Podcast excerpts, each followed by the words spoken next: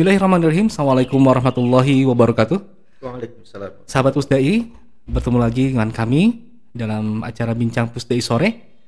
Ke saat ini saya ditemani oleh Abah Eb, saya sendiri Hendy Hermawan, dan tidak lupa ya, kita ditemani pula oleh seorang ustadz yang akan membimbing kita dalam berinteraksi dengan Quran. Saat ini kita akan mengambil tema 40 hadis keutamaan membaca Quran. Selamat datang Ustadz. Assalamualaikum. Waalaikumsalam warahmatullahi wabarakatuh. Kang Aib, Assalamualaikum. Sehat Ustaz? Sehat alhamdulillah, sehat walafiat. ya Ustadz, uh, sesuai tema atau topiknya tentang uh, keutamaan Quran. Ya. Uh, bagaimana Ustadz menjelaskan atau memaparkan uh, 40 hadis kalau tidak salah itu ada menerangkan tentang keutamaan Al-Quran. Ya. Silahkan. Baik, terima kasih Pak Hendi. Jadi eh, teman-teman sekalian, eh, sahabat Pusdai yang dirahmati Allah Subhanahu wa taala, banyak sekali keutamaan Al-Qur'an yang Allah berikan kepada setiap hambanya yang selalu membaca ya. Dan tidak hanya membaca sebetulnya, tapi juga nanti sebagaimana yang sudah kemarin kita kaji, kita bahas ya, bahwa ada enam interaksi kita dengan Al-Quran. Ya, saya ingin review sedikit ya, yeah. supaya kita ingat semua pertama adalah tilawah, tilawah betul. ya? Ya membacanya. Membaca. Kemudian yang kedua adalah tafhim memahaminya. Memahami. yang ketiga adalah tanfiz. Tanfiz atau tahfid bisa saja ya, ya ini antara antara keduanya. Betul. jadi bisa tahfid terlebih dahulu menghafal memindahkannya ke dalam hati atau melaksanakannya. Tanfiz. Ya tanfiz. Bertahap berkesinambungan. Jadi apa yang mungkin saja. Ya mengamalkan. Jadi apa yang kita baca kemudian kita kaji, kita ketahui artinya pesan-pesannya baru kita amalkan. Bisa seperti itu. Ya. Kemudian baru tahfid. Mhm. Atau tahfid dulu boleh. Menghafal kemudian mengamalkan ya sama ya. saja. Nah, yang kelima adalah taklim. Taklim, mengajarkan. Mengajarkannya kembali. Jadi mengajarkan cara membaca atau hmm. belajar membaca, hmm. mengajarkan uh, pesan-pesannya juga ya, hikmah-hikmahnya dan sebagainya. Kemudian uh, setelah taklim adalah tahkim ya, berpedoman pada Al-Qur'an. Baik. Jadi itu enam cara kita berinteraksi dengan Quran. Nah, kalau bicara soal keutamaan, ini ada salah satu hadis e, Nabi ya, dan ini adalah riwayat yang e, mengkisahkan tentang Abu Zar dengan Nabi Muhammad SAW. Jadi hmm. suatu ketika Nabi e, Abu Zar ya, sahabat Nabi bertemu dengan Nabi Muhammad SAW. Hmm. Dan ini menjadi kebiasaan para sahabat ya kalau misalnya mereka berjumpa dengan Nabi itu mereka selalu meminta nasihat. Hmm. Jadi Abu Zar berkata kepada Nabi Muhammad, wahai Nabi ya Rasulullah, ya, ausini. Ausini. Ya, berikanlah aku nasihat. Jadi ini kebiasaan para sahabat kalau berjumpa Nabi dan ini tentu menjadi contoh ya siapa pun kita kalau bertemu dengan seseorang yang memiliki ilmu, mm -hmm. ya, seorang ulama mm -hmm. begitu yang memiliki ilmu, uh, yang memiliki apa ada keutamaan dari uh, seseorang kemuliaan. Nah mungkin kita boleh bertanya ya untuk mendapatkan motivasi atau inspirasi. Itu kebiasaan para sahabat begitu Nah, ini beda dengan kebiasaan kita sekarang ya. Kalau ketemu orang yang terkenal itu bisa minta selfie. Minta selfie betul betul. betul. Minta selfie ya. Betul. Ketemu dengan orang yang terkenal atau betul, yang betul. ya terkenal karena mungkin kedudukannya, karena hartanya, karena yeah. ilmunya bisa jadi ya. Karena biasanya, untuk diupload lagi. Nah begitu kan. biasanya langsung Instagram mobil. Ya minta minta di foto gitu ya, betul, minta di foto betul. kemudian diupload. Ini luar biasa. Lebih keren. Ya gitu. betul pansos ya. Pansos. Nah padahal di zaman Nabi itu biasanya kalau bertemu dengan Nabi para sahabat itu meminta nasihat. Jadi bukannya meminta tapi nggak tahu ya kalau zaman Nabi ada handphone mungkin juga minta selfie ya. Allah alam ya seandainya begitu. Tapi para sahabat tidak. Ya Rasulullah kata Abu Dhar ausini. Nah kemudian kalau Rasulullah SAW alaika bitaqullah yang pertama ya. Alaika bitaqullah fa innaha ra'su amri kulli. Hmm. jadi bertakwalah kepada Allah ya, karena dia adalah induk dari segala urusan. dari segala ya. Dan dalam Al-Quran dikatakan bahwa bertakwa itu juga harus sungguh-sungguh. Ya. Jadi haqqatu qotih dengan sebenar-benarnya bertakwa begitu. Bukan uh, takwa asal saja tapi dengan sebenar-benarnya takwa ya. Haqqatu qotih begitu. Jadi alaika bitaqullah fa innaha karena takwa itu rasu min rasu amri kulli, ya, induk dari segala urusan.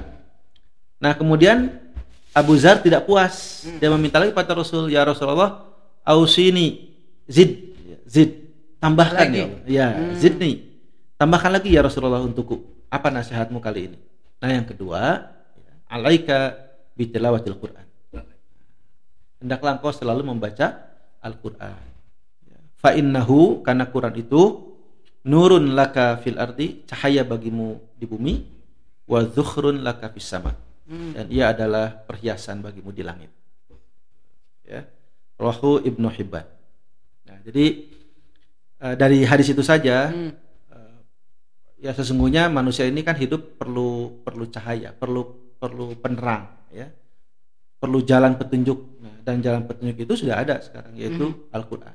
Makanya tinggal bagaimana kita tadi melaksanakan eh, salah satu dari enam interaksi itu ya, secara bertahap begitu. Nah, ini dari awal sudah ditunjukkan bahwa begitu hebatnya ya Al-Quran itu bagi manusia. Nah sekarang kalau bicara soal keistimewaannya, keutamaannya ya, dari membaca Al-Quran atau belajar Al-Quran ini sungguh banyak. Ya. Eh, ada 40 hadis eh, di antaranya yang terkait dengan keutamaan Al-Quran. Dan yang pertama ini hadis dari Uthman bin Affan ya. An Uthman bin Affan uh, radhiyallahu anhu qol qala Rasulullah sallallahu alaihi wasallam khairukum man ta'amal Qur'an man ta'allama al-Qur'an wa 'allamahu. Ya, hadis ini eh, cukup masyhur ya dan diriwayatkan oleh beberapa perawi di antaranya Bukhari, Abu Dawud, Tirmizi dan Nasa'i. Jadi ukuran dari kualitas seseorang itu ternyata adalah pertama dari Al-Qur'an dulu. Ya, diukurnya dari situ kalau menurut hadis tadi. Diukur dari man, eh, khairukum man ta'allamal. Jadi sebaik-baik dari engkamu ya adalah orang yang belajar Al-Qur'an. Ta'allam Al-Qur'an wa dan mengajarkannya. Karena belajar dan mengajarkan ini ibarat dua sisi mata uang yang nggak dipisah Hmm. gitu. Supaya ilmunya nanti meningkat lebih tinggi ya harus diamalkan. Ya, makanya langsung dipaketkan. Salah satunya Nah, diajarkan lagi ya, begitu saja. Itu paket ya. Hmm. Orang kan seneng ya kalau dapat paket. Paket artinya eh, sesuatu itu kalau kita miliki yang memang ini sifatnya paket, jadi tidak hanya satu tapi juga dengan tambahan-tambahan yang lain. Hmm. dengan kebaikan-kebaikan yang lain itu biasanya orang suka. Nah, makanya eh, yang belajar ya dan mengajarkannya. Mengajarkan. Ya, ya. Itu eh, ya pertama kali ya sisi yang memang nanti diungkap oleh oleh hadis itu tentang bagaimana pahala kebaikan atau juga keutamaan bagi orang yang belajar membaca Al-Qur'an atau yang belajar ya Al-Qur'an ya, termasuk di dalamnya berarti membaca kemudian menerjemahkan Yang enam tadi di awal Betul. maksudnya. Ya. Jadi mempelajari kaidah-kaidahnya, huruf-huruf eh, sifat-sifat hurufnya karena tiap-tiap huruf itu ada hak-haknya ya untuk dibaca benar. Nah, kemudian juga ya tentang eh, memahami itu kaitan dengan bahasa nanti dengan bahasa Arab dan ini akan lebih luas jangkauannya Berkembang saja. berkembang. Karena kalau sudah terkait dengan bahasa nanti eh, kita akan juga bicara atau belajar tentang tafsir. Ya. Kalau sudah tafsir, wah ini sudah berbagai macam eh, Disiplin hal ilmu. disiplin ilmu. Karena eh, sebagaimana dijelaskan eh, dalam surat Yasin ya, Yasin wal Qur'anil Hakim. Jadi demi Al-Quran yang penuh dengan hikmah, penuh dengan rahasia, penuh dengan banyak eh, apa sisi manfaat-manfaat untuk eh, keselamatan hidup manusia, begitulah kira-kira. Lima selahatil basyari kalau bahasa Betul, betul. santri mungkin nah, saja. ya, Begitu. itu kemaslahatan manusia itu sendiri ya di dalam menjalani kehidupan. Dunyahum wa ukhrahum untuk di dunia dan Nah, akhirat. betul, gitu. dunia akhirat, dunia akhirat. Nah, itu di antara eh, kebaikan atau ya tadi keutamaan ya. Keutamaan seseorang eh, belajar atau membaca Al-Qur'an begitu ya. Sekali lagi dalam hadis itu khairukum catatannya adalah bahwa sebaik-baik kamu. Berarti ini bicara soal kualitas individu ya. Betul. Kualitas pribadi seseorang. Betul. Tolak ukurnya pertama adalah tentang Quran itu saja. membaca Al-Quran. Membaca Nah, Al-Quran, jadi- mempelajari Al-Quran. Ya, betul. Dan memang dari segi bahasa kata Quran itu eh, dia kan masdar ya. Qara'a yaqra'u yaqra'u Qur'anan. Nah, kalau masdar itu dia tidak terikat oleh waktu. Hmm. Kan kalau kalau dalam bahasa Arab ada fiil Ada fiil Mudore, madi, fiil madi, ya. ya. Fiil kalau madi bentuknya fiil madi berarti telah lalu. lampau. Lampau. Kalau mudore yang sedang atau yang sedang akan. akan datang. Nah, kalau ini masdar. Masdar, masdar itu tidak terikat waktu. Jadi dia bisa kapan pun, Hmm. ya mau besok, Betul. ya mau nanti Betul. atau hari yang akan datang, misalnya minggu depan dan sebagainya, tetap Quran itu harus lebih dekat dengan jiwa manusia. Hmm. Dari sisi dia sebagai bacaan. Bacaan. Karena Quranan berarti dia adalah bacaan ya. Bacaan. Bacaan yang harus lebih dekat dengan jiwa manusia. Itu adalah Quran. Baik dari segi bahasa mungkin itu saja. Ya. eh eh, apa eh dari segi bahasa Quranan itu eh, bacaan. Ya. Bacaan, Ya? bacaan betul. Baik. Betul. Ustaz. Ya. Nah, itu baru satu ya Baru satu, hadisnya. betul, betul. Baru satu hadis tentang tadi. Eh, jadi begitu besar penghargaan ya, atau anugerah Allah terhadap mereka yang senantiasa membaca Al-Qur'an. Mhm. ya di dianggap bukan dianggap ya dia sebenarnya adalah eh, orang yang tadi ya yang yang baik Mhm. Berarti manusia terbaik Ustaz ya? Iya, betul, Manusia betul. terbaik itu indikasinya adalah menta'alam Al-Qur'an begitu Iya kan betul sini ya? betul orang yang selalu dekat dengan Al-Quran Al-Qur'an. dekat dengan Al-Quran Betul. ya jadi dari mulai tadi membacanya Mhm. terus memahaminya dan terus saja sampai benar-benar eh, ya Quran itu menjadi bagian dari hidup dia Hmm. atau sering disebut dengan way of life Hmm, jadi toolnya gitu ya, Ya, toolnya betul. Muslim Petunjuk. itu ada di Ya. ada di Quran gitu ya. Ya, bahkan ada salah satu hadis Nabi juga yang terkait dengan bagaimana Quran itu ya Hmm. di di apa dijadikan sebagai eh, sarana untuk terus menerus bagi seseorang itu Hmm. eh, apa namanya mengkajinya begitu. Jadi ini pendidikan buat anak-anak. Maka didiklah kata Rasul, ini artinya ya, didiklah kata Rasul eh, anak-anakmu eh, dengan Al-Quran sehingga Quran itu mendarah daging Hmm, di dalam diri mereka. Jadi mhm. jadi ya masuk gitu ya betul. ke dalam eh, sistem otak mereka, ke dalam cara perilaku mereka, eh, dalam dalam bergaul hidup, ya. kemudian juga apa pengetahuan mereka bertambah juga karena Quran dan itu janji Allah tidak akan tidak akan meleset, Mhm. ya, janji Allah tidak akan meleset. Eh, pokoknya eh, salah satu tolak ukur bahwa seseorang itu baik, ya dan dan tentu ya nanti kalau dia dekat dengan Quran, Quran sudah jadi petunjuk, maka hidupnya pasti berkualitas gitu. Itu sudah sudah pasti. Kenapa berkualitas ya? Karena Quran itu eh, isinya adalah sesuatu yang yang yang berkualitas. Semuanya eh, positif, semuanya mengarah kepada kebaikan, kebajikan ya. dan yang terpenting adalah bahwa eh, Quran bisa membawa manusia pada keselamatan hidupnya, baik tadi dunia Mhm. maupun eh, akhirat. Ya, ya. makanya eh, dia tidak bisa di- dibeli dengan harta ya kebaikan Al-Qur'an itu. Eh, bahkan dengan ilmu itu sendiri begitu ya. Jadi begitu begitu besar. Eh, kalau kita melihat beberapa ayat di Al-Qur'an bahkan eh, lebih lebih hebat lagi ya. Bahwa ya gunung-gunung itu bisa hancur Mhm. gitu kan ya artinya semua alam semesta ini tidak bisa menerima ya amanah eh, Quran ya, karena kalau eh, diletakkan di atas gunung maka gunung itu akan Oh. akan hancur Hancur ya. Hancur, ya. ya. Laula anzal eh, apa? ya Lau anzalna hadzal Qur'an ala Ya, jabalil jabalin laraitahu. Ah, Ya. betul. mutasadi amin khasyatillah jadi karena takut pada Allah maka gunung itu akan hancur lautan akan eh, terbelah ya istilahnya akan tumpah begitu nah, hanya manusialah yang mengambil Yang mampu. pilihan amanah itu mampu. Jadi satu-satunya bacaan atau petunjuk ayat yang bisa bahkan membangunkan mayat-mayat menjadi hidup kembali itu juga adalah Al-Quran. Ada ya dalam ayat Al-Quran. Ya. Jadi eh, apa namanya? Ya, kalaulah ada sesuatu yang bisa membangunkan orang mati hidup kembali itu adalah Al-Quran. Begitu dahsyatnya Al-Quran. Nah, oleh karenanya Al-Quran ini menjadi energi gitu. Jadi kalau misalnya kita mau lebih kuat energinya berarti dosisnya tambah. Hmm. Ngajinya juga jangan cuma sebulan sekali Hmm, gitu ya. Jangan seminggu sekali tapi usahakan eh, tiap hari. Hmm. Bila perlu tiap hari. Mhm. Ya.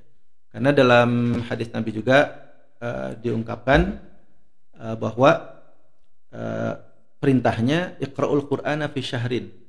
Bacalah Quran itu atau khatamkanlah sebetulnya Quran itu dalam satu bulan. Oh, satu- syahrin, oh, syahrin satu ya, bulan, satu bulan, syahrin, ya. Kemudian ada sahabat yang datang, "Ya Rasulullah, ini ajidu quwwatan.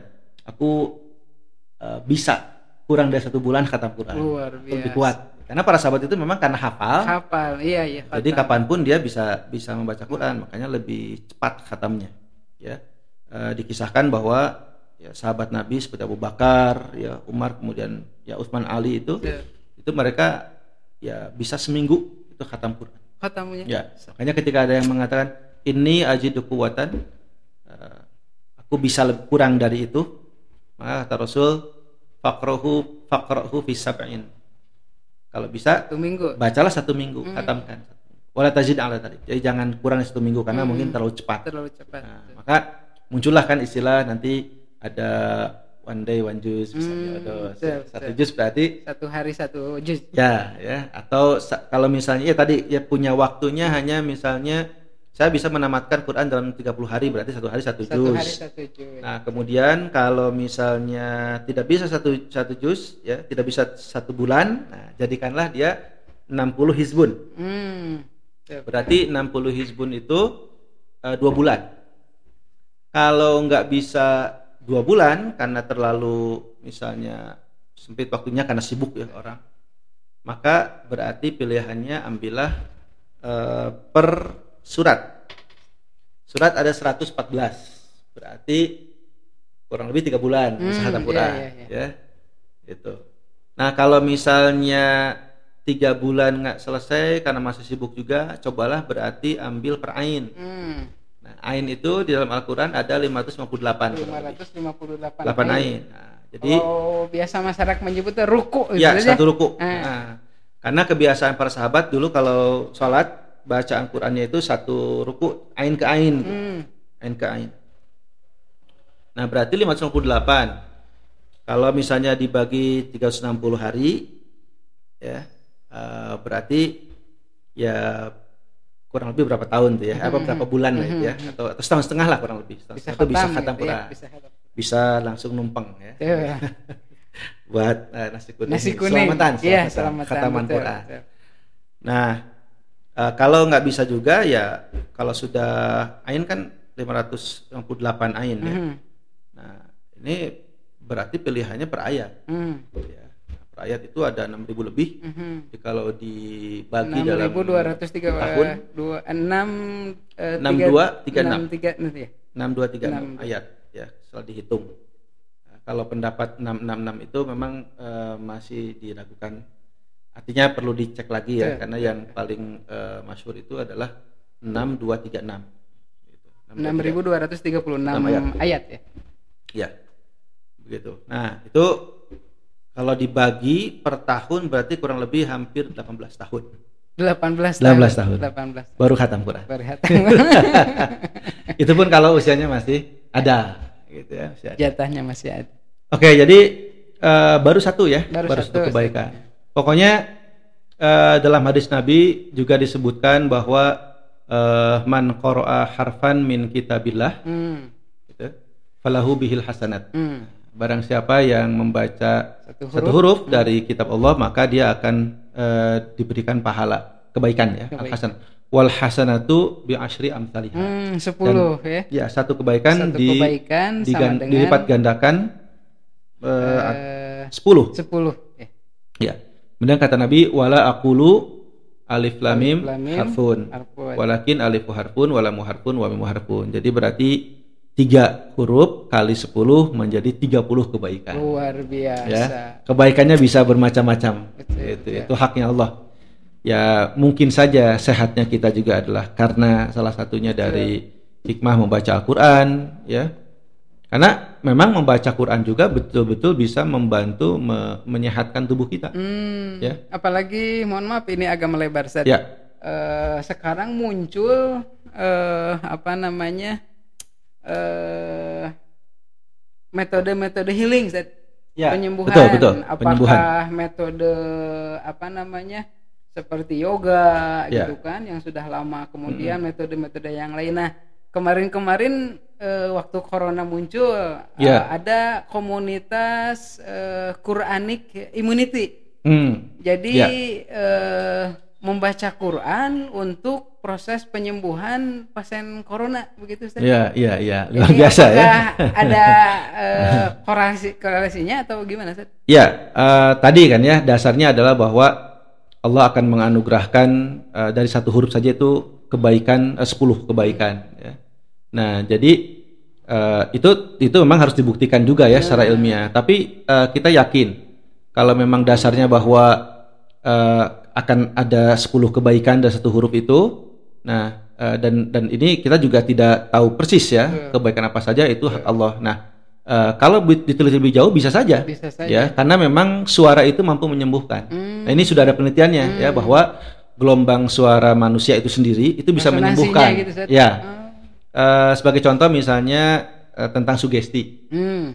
Nah, orang itu kalau misalkan diberikan sugesti, Hmm. dia akan akan kuat dengan sendirinya dan akan akan sembuh Betul, begitu. betul. Afirmasi kalau Ya, bahasa afirmasinya ya. juga Ah, gitu ya. Seperti kalau kita misalnya sakit eh, terus disarankan ke dokter, nah, itu 50% itu sudah mulai hilang penyakitnya Hmm. Sugestinya, karena gitu ya. sugesti. Betul, betul. Jadi pas datang ke dokter itu 50% diperiksa itu 50% udah sudah hilang. hilang gitu. Itu sugesti. Jadi eh, gelombang suara kita sendiri ya dan memang yang paling baik adalah gelombang suara kita. Hmm. Ya. Eh, Bacaan begitu. sendiri gitu Iya, ya. betul, Bacaan betul. si pasien sendiri Iya, gitu. ah, jadi suara kita sendiri. Suara kita. Misalnya saya kuat, saya sembuh, saya bisa gitu kan. Kalau dimotivasi kan begitu. Saya bisa, saya kuat, saya sembuh, saya mampu ya. Eh, ayo kamu bisa. Nah, istilah-istilah itu. Ayo ayo nak. Nah, untuk anak-anak kan bisa di di stimulus begitu. ayo nak, kamu bisa, kamu pandai, kamu cerdas. Karena eh, kata-kata yang positif itu ternyata bisa membentuk eh, kemampuan manusia itu melewati batas-batas eh, kekuatannya. Oh, Mas. Ah, apa mem- memacu adrenalin betul betul. ya, Luar biasa. macu adrenalin. Nah, jadi eh, sementara Quran kan eh, positif ya, Hmm. eh, suara-suara yang mengandung kebaikan. Nah, makanya ketika itu dibacakan eh, kepada orang lain, pada, pada tubuh kita sendiri, Pasti ya, ada efek. ya pasti ada efek. Eh. Karena dari suara itu, getaran suara itu kemudian masuk ke telinga, Hmm. eh, menjadi getaran dan getaran itu kemudian dirubah menjadi yang bersifat eh, apa namanya eh, kinestetis ya gerakan-gerakan kemudian di situ nanti ada ada eh, perubahan dari gerak itu menjadi eh, cahaya. Hmm. dan cahaya itu energinya. Gitu. Ini sudah diteliti Hmm.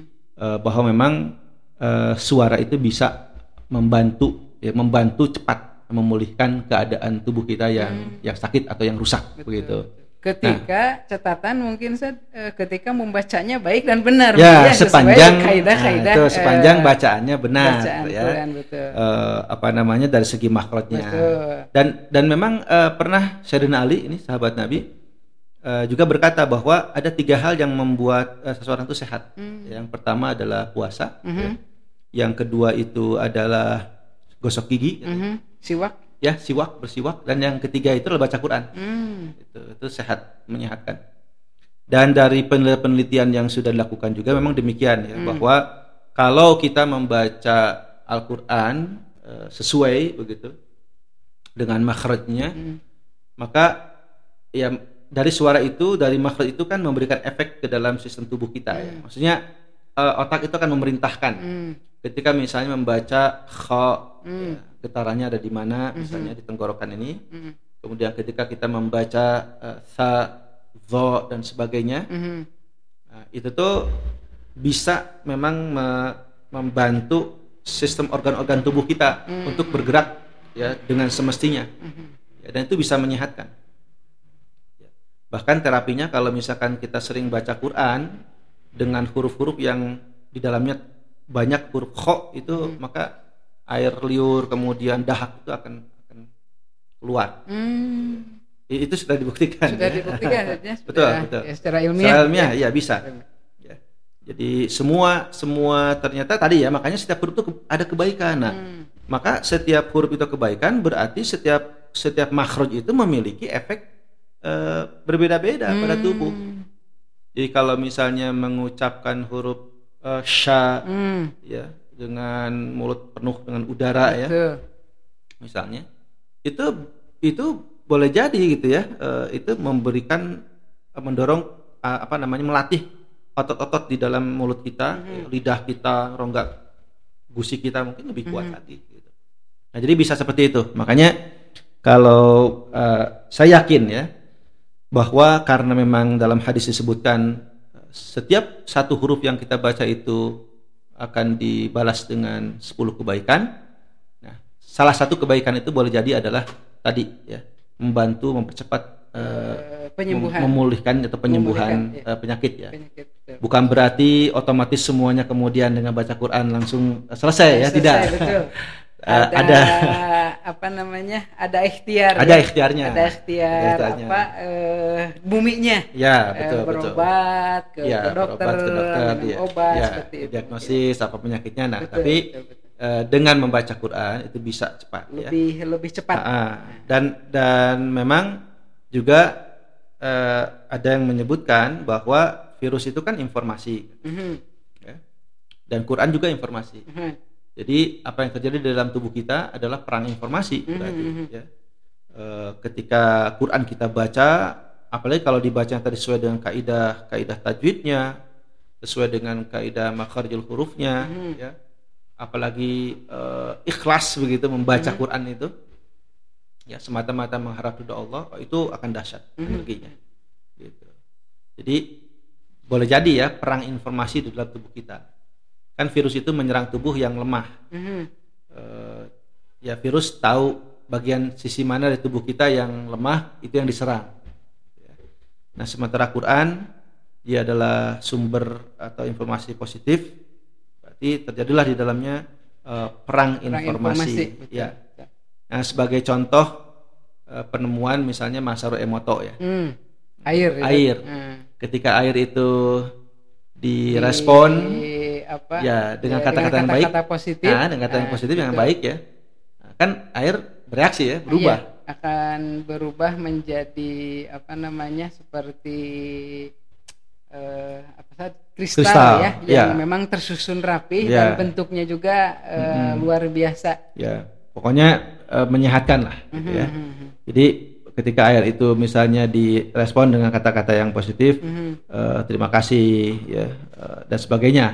Itu itu bereaksi. Nah apalagi kalau kita misalnya menyebut asma Allah ya, Hmm, menyebut kata Bismillah dalam setiap makanan dan minuman yang kita konsumsi, hmm. wah itu betul-betul jadi energi memang. Ah, Gitu. Luar biasa. Mungkin ini rahasianya Ya. Ustaz ya. Ya, kalau misalnya kan eh, Rasulullah memang mencontohkan baca baca doa ya, doa makan minum itu dengan bismillah saja Bismillah, ya. betul. Tapi ada juga eh, para ulama yang kemudian menambahkan doa itu dengan Allah mabarik Allahumma lana. barik lana Nah, qina adzabannar. Kan barokah itu di mana sih letaknya? Betul. Ya. Tidak hanya pada nutrisi atau gizinya saja, Betul. tapi karena di dalamnya itu dibacakan asma Allah itu. Dibacakan. Ya, karena dengan kata bismillah itu berarti kita memohon izin.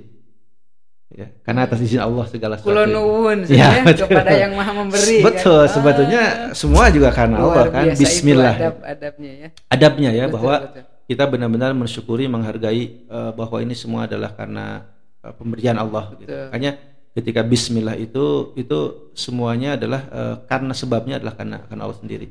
Nah sehingga makanan minuman tadi sekali lagi tidak hanya dari eh, aspek nutrisi ya atau gizinya saja yang luar biasa untuk Hmm. tubuh kita memiliki eh, kedahsyatan energi, tapi juga karena di dalamnya ada izin Allah itu, ada, Betul. ada nama asma Allah itu ya. Betul.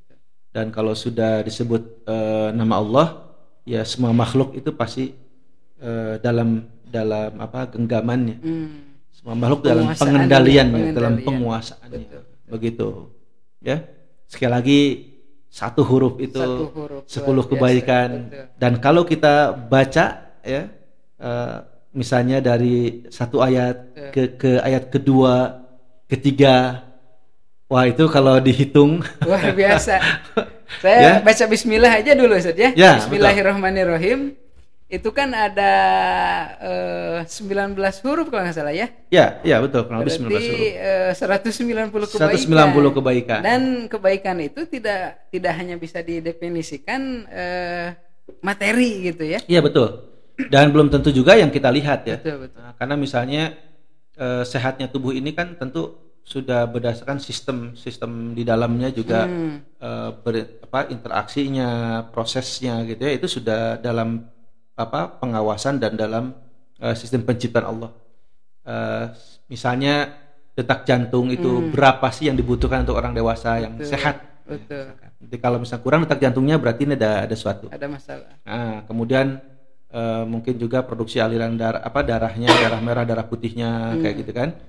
Eh, ya banyak sekali lah belum lagi di sel-sel saraf kita ya. Karena eh, luar biasa dalam kepala kita saja sel-sel saraf itu ada yang menyebutkan ya para ahli Miliaran. nah, miliaran Oh, jumlahnya. Miliaran bahkan triliun. Bah, kalau dibentangkan itu itu bisa mengelilingi bumi tujuh kali. Sel saraf itu kalau talinya mungkin ya yang yang tidak kasar mata itu yang halus lembut itu kalau dibentangkan bisa mengelilingi bumi tujuh kali. Tujuh kali Ustaz. Tujuh kali. Masya Allah. Dan satu-satunya komputer terbesar di dunia yang tidak bisa dikalahkan Otak oleh mesin itu otak manusia. Masya Allah. Kecepatan dalam eh, menangkap ya, sinyal dalam mata itu ya, dan dan wah belum sistem pembentukannya. Itu tuh nikmat yang tidak bisa dilihat sebetulnya. Dan, Dan- yang bahkan refleks ya tidak terasa. Betul. Latuh suha Ustaz ya. Ya, Luar biasa. tidak akan bisa tidak terhitung. akan bisa dihitung. Kalau bi- kalau menghitung nikmat Allah tidak akan bisa Betul, dihitung. betul. Makanya satu ayat, ayat kedua, ayat ketiga, wah itu berapa puluh ratus huruf dan ribu huruf nanti yang kita baca. Pokoknya amazing, amazing. Amazing betul Ustaz. Dan Keren, ya, keren. Ter, ini Ustaz. Ya, ter, apa namanya? eh teringat satu ayat ini di surat Al-Isra ayat 82. Wa nunazzilu minal Qur'an ma huwa syifaa'u wa rahmatul lil mu'minin. Ya, Ternyata eh syifa juga Ustaz ya. Iya, ini betul. ada ada obat juga gitu. Ya, Mungkin relevan dengan yang tadi. betul. Eh seingat saya itu ada eh, tafsirannya dari Imam Al-Qurtubi ya. Hmm. Di dalam eh, tafsir Quran, di dalam tafsirnya Al-Jami' li Ahkamil Quran. Imam Qurtubi itu menyebutkan bahwa syifa di situ memang bisa dua. Mhm. Jadi bisa artian secara fisik, begitu bahkan bisa juga untuk yang sifatnya rohani. Jadi syifaun. Ya, eh, karena penyakit-penyakit yang sifatnya mental Mhm. itu memiliki kaitan yang erat dengan atau hubungan yang kuat ya dengan fisik. Ya. Kan seseorang yang misalkan sedang kesal, Mhm. sedang bete begitu, Mhm. eh, tidak mau apa pun itu biasanya kan nanti dia kemudian tidak nafsu makan atau yang orang yang, berat- yang yang bermasalah ya yang ada masalah misalkan masalah. Hmm, terpikir terus Betul, betul. nah karena kepikir terus itu ah- akhirnya jadi makan juga menjadi tidak nikmat lagi Betul. nah kalau nikmat makannya itu dicabut kan nanti bisa dia muncul penyakit yang lain bisa mah misalkan ya dari mah itu kemudian muncul lagi penyakit yang lain Betul. Berarti dari sisi kejiwaannya mungkin saja. Betul. Hmm. Makanya syifa di situ bisa memang untuk yang sifatnya ruhani, mental, sakit mental. Betul. Nah, Orang malas misalkan, orang yang eh, tidak mau beribadah ya. Atau orang yang eh, punya rasa dendam, iri gitu ya. Atau eh, cinta dunia yang berlebihan Betul, misalkan ya apa pun kan tidak selesai. Iya, iya. Ya, apalagi nafsu kita tuh begitu ya. Betul. Eh, apa namanya? Tidak tabiatnya. pernah puas. Tabiatnya nggak pernah puas. Tidak pernah puas. Seandainya ada dua lembah emas kata Nabi, Pasti maka meminta manusia yang- minta yang ketiga. Betul. Kalau kita sudah punya eh, barang ya, punya eh, sesuatu yang kita inginkan ya, yang kita inginkan misalkan benda begitu, punya mobil satu pasti ingin dua gitu. Kalau mobil yang ada ingin diganti jadi mobil lebih mewah lagi. Betul. Kalau sudah punya sepeda satu ingin sepedanya lebih banyak, lebih hebat lagi. gitu.